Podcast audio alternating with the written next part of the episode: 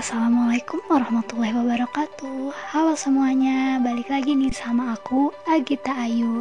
Nah, kali ini kita akan membahas mengenai pembelajaran SD Di mana materi ini banyak sekali dipelajari di sekolah dasar khususnya di kelas 4 Yaitu pekerjaan. Nah, ada yang tahu gak sih pekerjaan itu apa? Nah, pekerjaan ini dibagi menjadi beberapa arti ya, ada dalam arti luas dan juga dalam arti sempit. Pekerjaan dalam arti luas adalah aktivitas utama yang dilakukan oleh manusia. Sedangkan dalam arti sempit adalah istilah pekerjaan digunakan untuk suatu tugas atau kerja yang menghasilkan uang bagi manusia. Dalam pembicaraan sehari-hari, istilah ini sering dianggap sinonim dengan profesi. Pekerjaan yang dijalani seseorang dalam kurun waktu lama disebut sebagai karir. Seseorang mungkin bekerja pada beberapa perusahaan selama karirnya, tapi tetap dengan pekerjaan yang sama. Jadi, pekerjaan itu adalah suatu kegiatan atau aktivitas yang dilakukan oleh manusia atau seseorang yang bertujuan untuk memenuhi kebutuhan hidupnya. Karena dengan seseorang mempunyai pekerjaan, maka kebutuhan hidup seseorang bisa terpenuhi. Nah, tidak hanya dari pengertian aja nih, ada juga jenis-jenis pekerjaan. Jenis-jenis pekerjaan ini bermacam-macam. Semua pekerjaan harus dilakukan dengan sungguh-sungguh. Pekerjaan yang dilakukan dengan baik akan mendapatkan hasil yang maksimal. Pekerjaan yang ditekuni manusia dilakukan untuk mendapat upah. Upah yang diperoleh dapat digunakan untuk memenuhi kebutuhan hidup.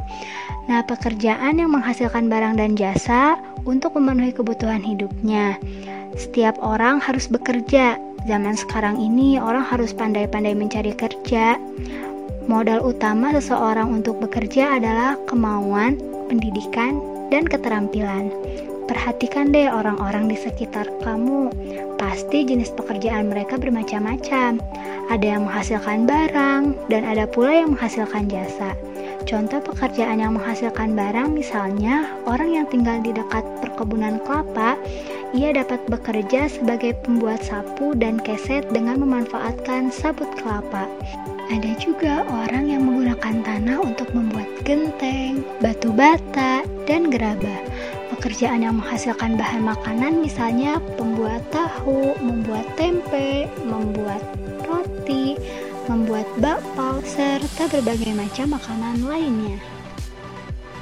Selain membutuhkan barang, orang hidup juga membutuhkan jasa, jasa yang diperoleh dari orang lain. Untuk mendapat jasa harus ada imbalan tertentu. Seseorang yang bisa memberikan jasa akan menerima imbalan. Imbalan atau upah biasanya berupa uang.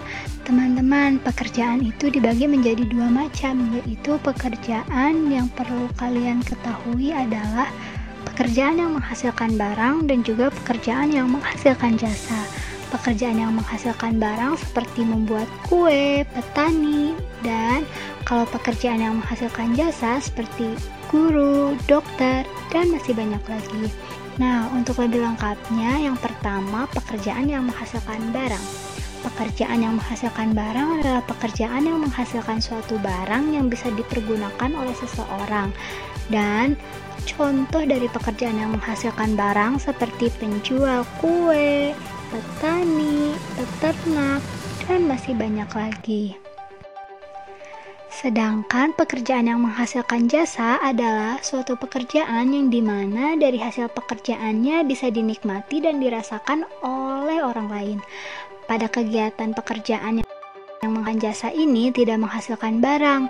Contohnya, dari pekerjaan yang menghasilkan jasa ini seperti guru, dokter, tukang potong rambut, polisi, dan masih banyak lagi.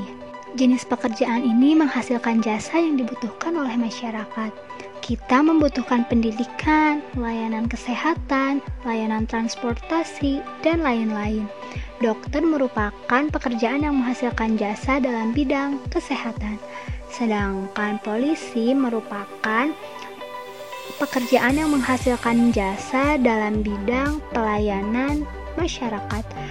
Guru merupakan pekerjaan yang menghasilkan jasa dalam bidang pendidikan, dan masih banyak lagi. Selanjutnya yaitu pentingnya semangat bekerja. Seseorang harus mempunyai semangat dalam melakukan setiap pekerjaan. Semangat kerja yang tinggi akan mendapatkan hasil yang maksimal. Semangat kerja yang tinggi juga dapat meningkatkan prestasi. Prestasi kerja yang tinggi akan mendatangkan upah yang tinggi pula. Kesungguhan dan semangat kerja harus selalu kita jaga dan pelihara. Sekian penjelasan dari materi kali ini. Semoga bermanfaat. Terima kasih. Wassalamualaikum warahmatullahi wabarakatuh. Dah.